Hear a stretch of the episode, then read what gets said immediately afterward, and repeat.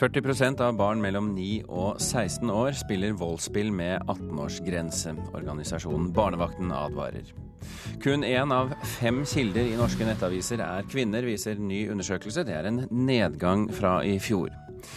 Og det var en miss som resulterte i at den ene missen ble kåret til miss. Det var den andre missen som var den rettmessige missen.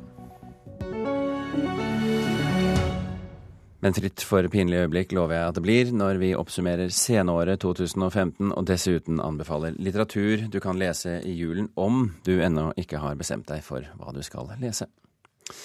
Det er blitt helt vanlig at foreldre kjøper dataspill som inneholder ekstrem vold til sine egne mindreårige barn. Det sier organisasjonen Barnevakten, som gir råd om barns mediebruk.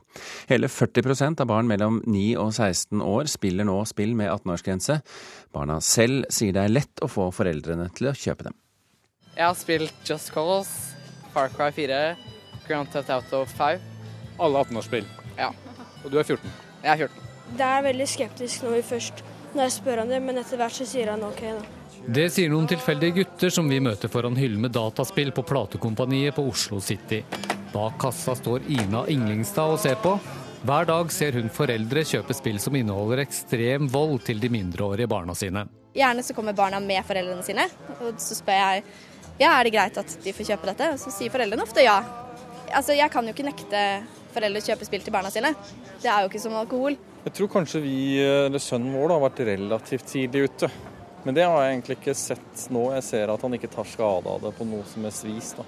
Mer bekymra for antall timer han sitter foran eh, en skjerm. På YouTube finnes det tusenvis av videoer som viser hvor voldelige disse spillene er. Søker du f.eks. på Fallout 4 og Kill, ser du hvordan hodene på ofrene rives løs fra kroppen i nær og sakte film, mens blodet pumper ut av halsgropen. Vi får la foreldrene våre, så vi tenker ikke så mye på det.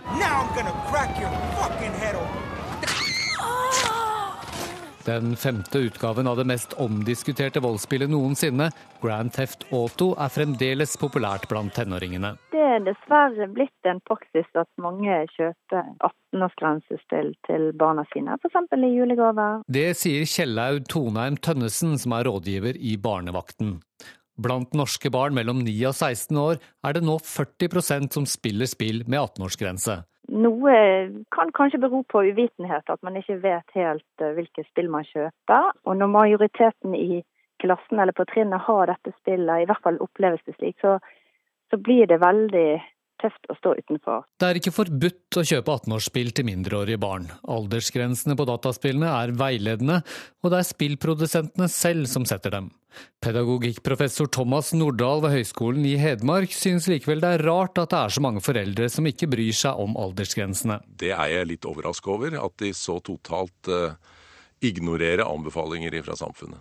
Dersom foreldrene sier ja til voldelige dataspill tidlig, må man være klar over at man skaper et gruppepress, sier Nordahl. Når du har sagt ja til ditt eget barn, så skaper du et press for andre, fordi at dine barn er et del av et fellesskap. Det er et signal òg til andre foreldre om at dette ikke er så nøye.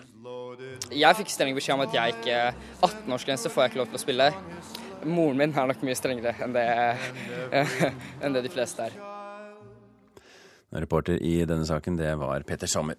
Jørgen Kirksæter, spillforsker ved Universitetet i Oslo, velkommen til Kulturnytt. Takk. Hvordan settes aldersmerking? Vi hører jo her om 18 års grense, men hvordan settes egentlig denne i gåstegn grensen?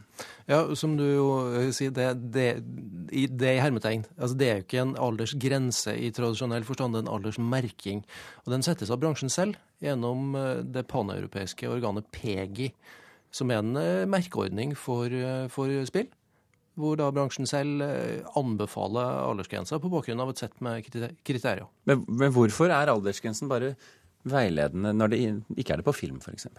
Altså, og vi kan nesten snu på det. Eh, altså Årsaken til at den ikke er veiledende på da i praksis kun kinofilm, er jo av tradisjonelle grunner. Eh, for sånn var det før. Det du ser både i Norge og gjennom resten av Europa, og for så vidt resten av verden, er jo at de gamle sensurorganene de slutter å sensurere og går over til veiledning og anbefaling. Tror du at foreldre vet hva slags spill de kjøper til barna? Nei, både ja og nei. Altså Eksempelet foran kan vel tyde på at de kanskje ikke vet det.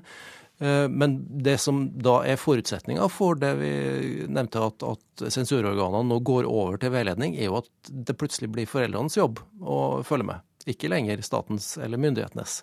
Men, men, men hva slags ansvar blir da lagt på foreldrene når de, når de, får den jobben? De får et større ansvar eh, for å sette seg inn i hva eh, produktet faktisk inneholder. Og det har jo PGI prøvd å avhjelpe ved da å bruke ekstrasymboler som forteller hvorfor det angitte spillet har fått eh, en gitt aldersgrense. Men er det Forandrer det seg hvis du krysser landegrensen? Altså hvor, hva, hva, som er motivasjonen for aldersgrensene? Ja, altså PG-merkinga er krysseuropeisk, paneuropeisk. Men hva foreldre bryr seg om, det forandrer seg veldig. Ja. Altså, det, det, vi ser eh, bl.a. gjennom forskningstall, er jo at eh, vi i Norden vi er ikke så veldig opptatt av det med sex og banning, f.eks. Eh, vi liker ikke vold. Kommer du lenger sør, så er det nesten motsatt, hvor da sex er helt forskrekkelig. Det, ja. det skal vi ikke ha noe av. Men, men, eh, hva er det som fascinerer barna ved disse spillene, hvis vi nå tenker på det som er voldelig, da, eh, som vi er opptatt av her i nord. Eh, hva er det som fascinerer barna med voldsspill? Ja, det er et vidt og komplekst spørsmål, men det er veldig lett å trekke paralleller til før i tiden, hmm. da vi var unge. Gamle dager? Ja, gamle dager, da vi hadde video. Men, men mekanismen er, den psykologiske mekanismen er den samme. At du skal se noe som er litt sånn Det er forbudt. Eh, men så skal du utsette deg for det. Og du kan nok også regne med at noen av de barna som spiller GTA, syns det er ubehagelig. Men det er også et eh, form for hva skal man kalle det, overgangsrite for noen. Men er det, er det noe annet enn bare vold? Definitivt. Altså, Det barn og ungdom, og voksne for den saks skyld, får ut av spill, det er jo ekstremt sammensatt. Eh, det ene er jo mestringsfølelsen. At, at du faktisk gjør noe som du, som du, klarer. Du kommer videre, du når målene dine underveis. Og så er det sosialt. Det er sosialt både ved at du spiller sammen med andre mens du spiller, og at du da har en felles kulturell plattform. Du diskuterer med kompiser hva du spilte i går. Tror du at dette er et stort og vanskelig problem blant norske tenåringer og, og barn? Altså, Det det i hvert fall kan tyde på, er at det er et problem i kommunikasjonen mellom barn og voksne. At mm. foreldre ikke vet hva barna gjør. Om det er et problem for barnet, det er for så vidt et annet spørsmål. Jørgen eh, Kirksæter ved Universitetet i Oslo, takk for at du kom til Kulturnytt.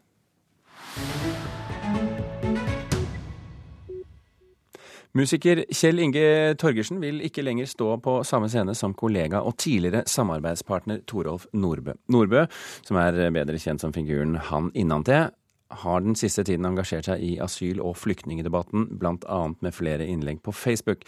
Kjell Inge Torgersen mener Nordbø med sin generalisering av flyktninger nører opp under fremmedfrykt. Jeg har alltid kjent Torov som en fyr som sparker oppover. Nå sparker du nedover. Hvorfor ønsker du ikke å dele scene med, med Torolf lenger? Fordi jeg syns at uh, Torolf skaper et bilde av flyktninger som han eh, gjør veldig unyansert. Han lager ei stor gruppe. Og en sånn type sammenstilling av forskjellige enkeltepisoder er jo nettopp det som skaper frykt. Og Torolf Nordbø, som også er vararepresentant i Stavanger bystyre for Kristelig Folkeparti, han er ikke overrasket over boikotten fra kollegaen. Ja, altså dette boikottopplegget skjønner jeg veldig godt. For jeg er vant med at de som sier de jobber mest for toleranse, er de minst tolerante. Og jeg synes det at det som skjer i dette samfunnet, det er at vi får en fantastisk lovprisning. At alt med det såkalt fargerike fellesskapet vårt, og det at det kommer mest mulig flyktninger inn i Norge, er bare enormt positivt. Så derfor så må det òg komme en liten motvekt og vise at dette er ganske problematisk.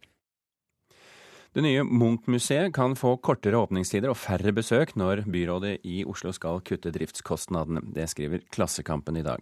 Det nye Arbeiderpartibaserte byrådet i Oslo går nå systematisk gjennom kostnadene ved prosjektene det gamle høyrebaserte byrådet satte i gang.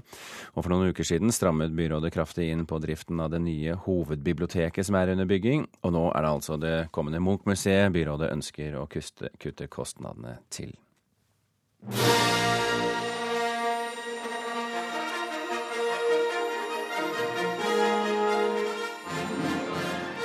Den nye Star Wars-filmen The Force Awakens har satt flere rekorder. Blant annet spilte den inn én milliard kroner på premieredagen i USA alene. Det skriver VG i dag. Og Regner man forhåndsvisningene torsdag kveld med i tallene for fredagspremieren, så slår The Force Awakens den tidligere rekorden for både beste fredag, beste åpningsdag og beste endagsinntjening. Dermed er Harry Potter og Dødstalismanene del to, som tidligere hadde alle tre rekordene, vippet av kassatronen. Det betyr også at filmen etter alle solemerker kommer til å slå den tidligere USA-rekorden for åpningshelg-kassasuksessen. 1,8 milliarder kroner satt av Jurassic World tidligere i år. Også i Norge har filmen slått an. 115 000 nordmenn så filmen på de to åpningsdagene.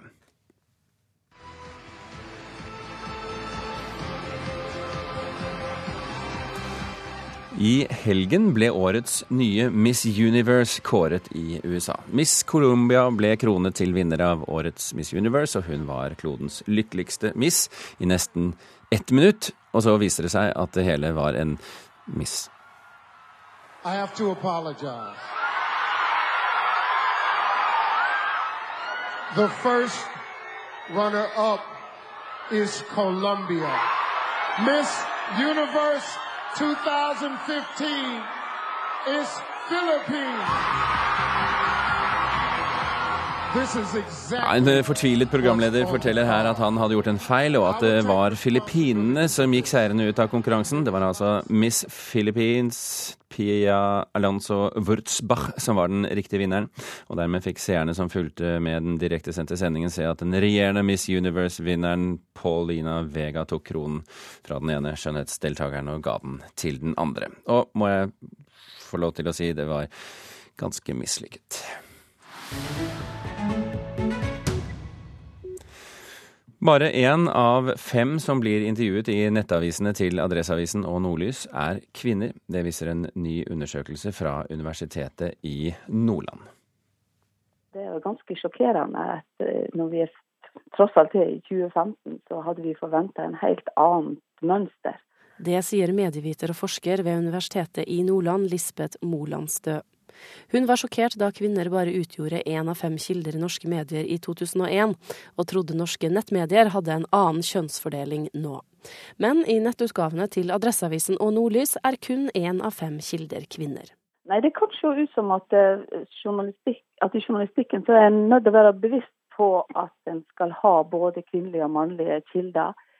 Eh, når en ikke tenker over det, så kan det se ut som om at mannlige journalister oftere velger mannlige kilder enn enn kvinnelige journalister gjør. Eh, sånn at det er på en måte Det virker som at, det, at en må være bevisst på at en, en skal ha et variert bilde. Og reporter her var Eirin Venås Sivertsen. Klokken er passert kvart over åtte. Du hører på Kulturnytt, og dette er toppsakene i Nyhetsmorgen nå. Flommen på Voss er på retur, etter at flomvarselet ble hevet til høyeste nivå i går kveld. Det er håp om at noen av de evakuerte etter skredet i Longyearbyen kan få flytte hjem igjen allerede i dag. Og uten mer ressurser kan barnehusene bli rene avhørsfabrikker, frykter Barneombudet.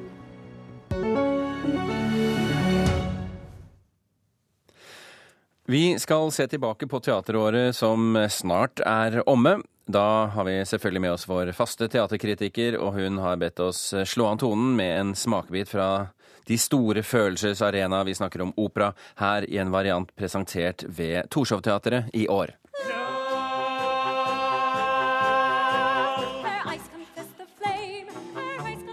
Her hørte vi altså fra Nationaltheatrets oppsetning av operaen Dido og Aeneas av Henry Purcell. Karen Frøsland Nystøl, teaterkritiker her i NRK, altså. Hvorfor trekker du frem akkurat denne forestillingen? Den viser en tendens som er i norsk teater, og det er at det settes opp mye musikkteater i ulike varianter på mange forskjellige scener. Og nå tok jeg fram Torshov-teatret nå. Der er det en, en trupp fra Nationaltheatret som har hatt et prosjekt gående som handler om musikkteater. og Det ble da avslutta med Dido og Eneas i vår.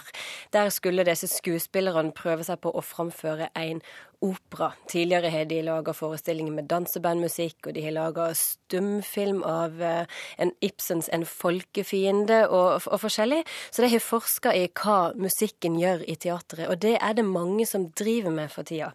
Eh, vi har masse musikaler som har vært vist på ulike scener i hele år, fra De tre musketerer ved Folketeatret til Sound of Music i Trøndelag Teater.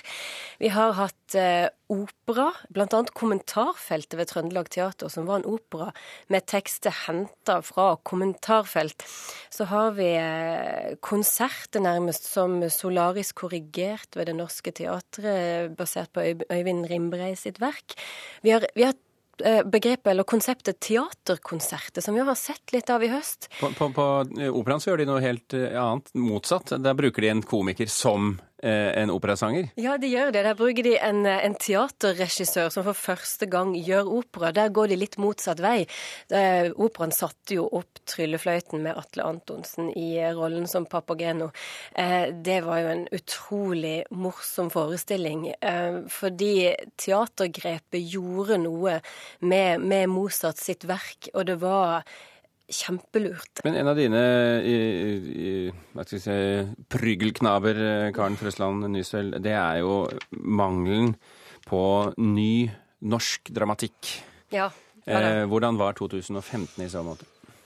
Ja, Der ser jeg at de norske teatrene jobber med saken. Og jeg tror det at, at når Dramatikkens hus har, har folk, eller dramatikere inne til å utvikle tekst som etter hvert sprer seg ut med teatrene, at Dramatikkens hus samarbeider med ulike teatre. Jeg ser at det bærer frukter. Og så syns jeg det er veldig gledelig at flere av institusjonsteatrene har fått seg husdramatikere mm. som sitter og skriver nye stykker for de enkelte teaterscenene. Men det som jeg husker best, tror jeg, av de nye tingene som ble satt opp i 2015, de, de, gikk føre seg begge to ved Nationaltheatret. Den første tidlig på året, den heter um, 'Vi tygger på tidens knokler'. Ja. Det, og den siste, den gikk i høst. Den heter 'Strategier for en lysere fremtid'. Og begge disse to var enormt morsomme, enormt absurde og helt grunnleggende eksistensialistiske i sin tematikk. Men hva er selve høydepunktet fra 2015, hvis du skal plukke ut én forestilling av alle de mange du har sett?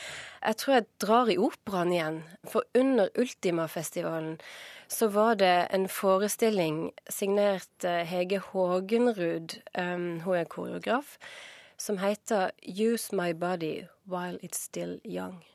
Og det var en helt fantastisk sceneopplevelse, syns jeg. Der var det fire eldre dansere, altså i, i 80-årene, som sto på scenen eh, og dansa og, og, viste kropp i aldring. Eh, for når vi ser dans, så er vi så vant til å se instrumentkropp Altså, vi vet hvordan kropper som danser skal se ut. Og når vi ser et avvik, noe som er, som er annerledes enn det vi er vant til å se, så blir det så enormt sterkt. Det var jo på mange måter en påminner om at vi alle skal dø og sitte og se dette prosjektet. Eh, det aller sterkeste var en av danserne som så seg sjøl danse en solo han hadde gjort som ung. Så sto han med ryggen til, og dette ble projisert på bakveggen. Så sto han og så på det han hadde fått til som ung, og alle så at den kroppen kan ikke klare dette lenger. Sammen med Rebekka Karijord sin musikk, hun fulgte dette verket fra sidescenen og spilte og sang gjennom hele, så var det en, det var en enormt stor opplevelse for meg. Karen Frøsland Nystøl, nå lar vi romjulen gå i ro og fred, og så kommer du tilbake over nyttår, og så ser vi på 2016 også. Takk for at du var med oss eh, nå i dag.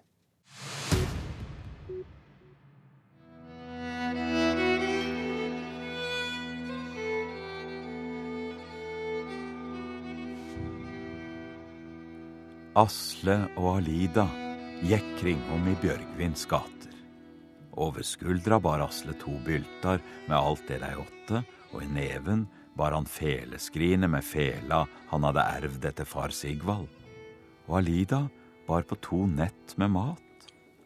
Dette er eh, Svein Tindbergs fantastiske stemme, og kanskje du kjenner det igjen. Det er eh, Jon Fosse fra trilogien Andvake.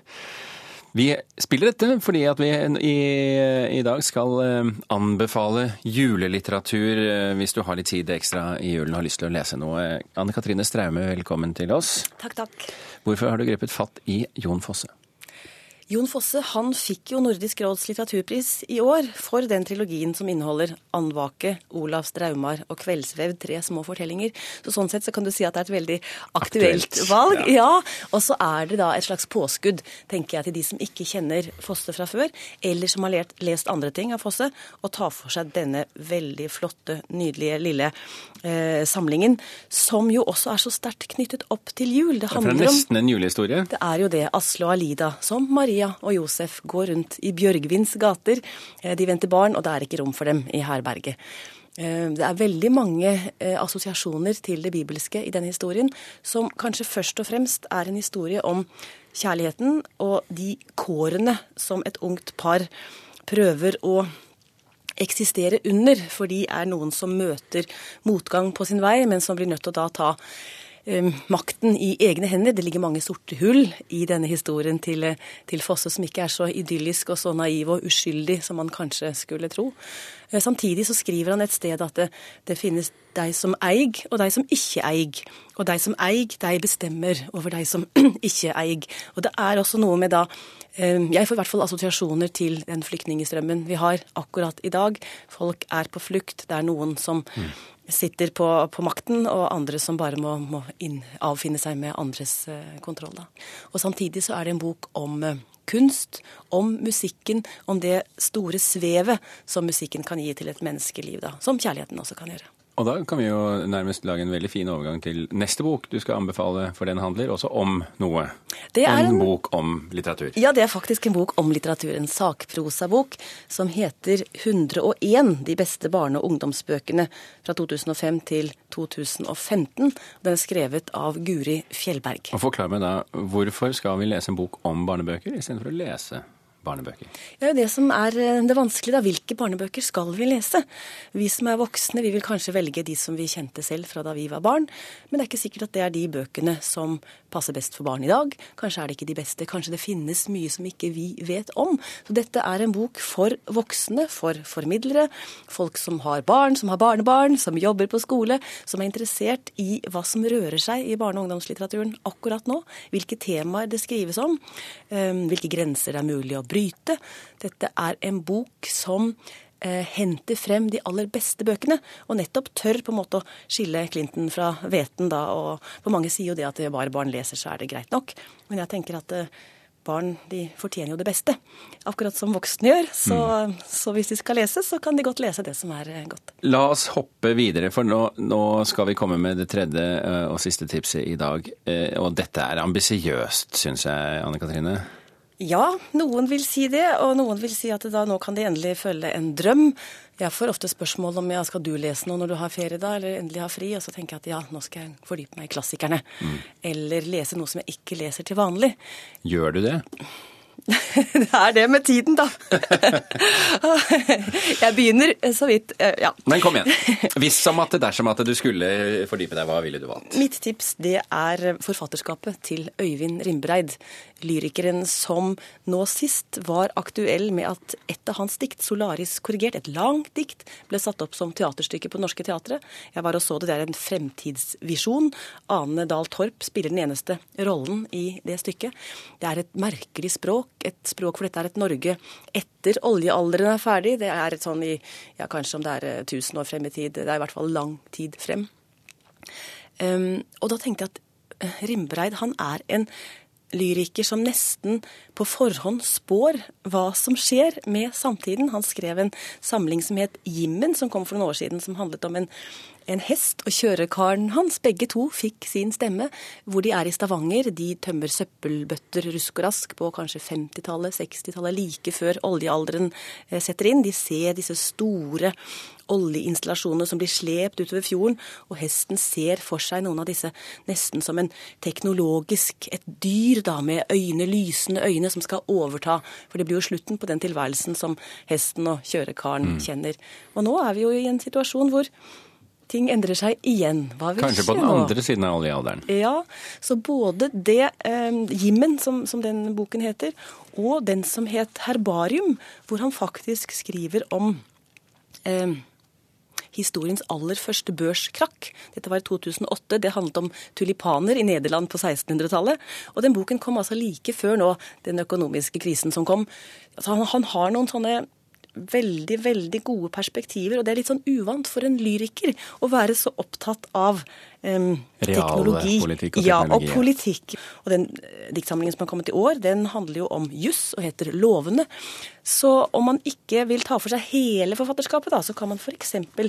fordype seg i Jimmen av Øyvind Rimpereid. Vi får ønske alle med god tid eh, lykke til uansett hva de velger. Her var i hvert fall, i hvert fall tre tips fra deg, Anne Katrine Straume. Takk for at du kom til Kulturnytt. Yeah! Krakk! Ok, nå veit jeg om en fyr som blir forbanna, som jeg møtte i helgen, som sa at eh, det er veldig slitsomt når vi roper i, i mikrofonene, for da, da begynner datteren hans å grine. Eh, Oi, I bilen, oi, kjører oi, på bilen, oi. da, så, begynner- så det beklager jeg, men eh, Nå er det klart for en ny runde med Radioresepsjonen på NRK TV. Det melder Dagbladet i dag. Det heter Ukens vinner, og konseptet er at de tre komikerne skal kåre den personen som har klart seg best i nyhetsbildet gjennom uken. Det er eh, fire år siden sist eh, Bjarte Tjøstheim og brødrene Tore og Steinar Sagen prøvde seg med eget TV-program. Kulturnytt eh, skal runde av nå. Hvis du ikke fikk med deg starten i dag, så kan jeg fortelle at 40% av barn mellom 9 og 16 år spiller voldsspill med 18 års grense. Organisasjonen Barnevakten advarer, og det var eh, vår viktigste sak i dag. Lisa Stokke og Birger Kolsrud Aasund ga deg Kulturnytt. Snart er Kari Ørstavik klar med Nyhetsmorgen.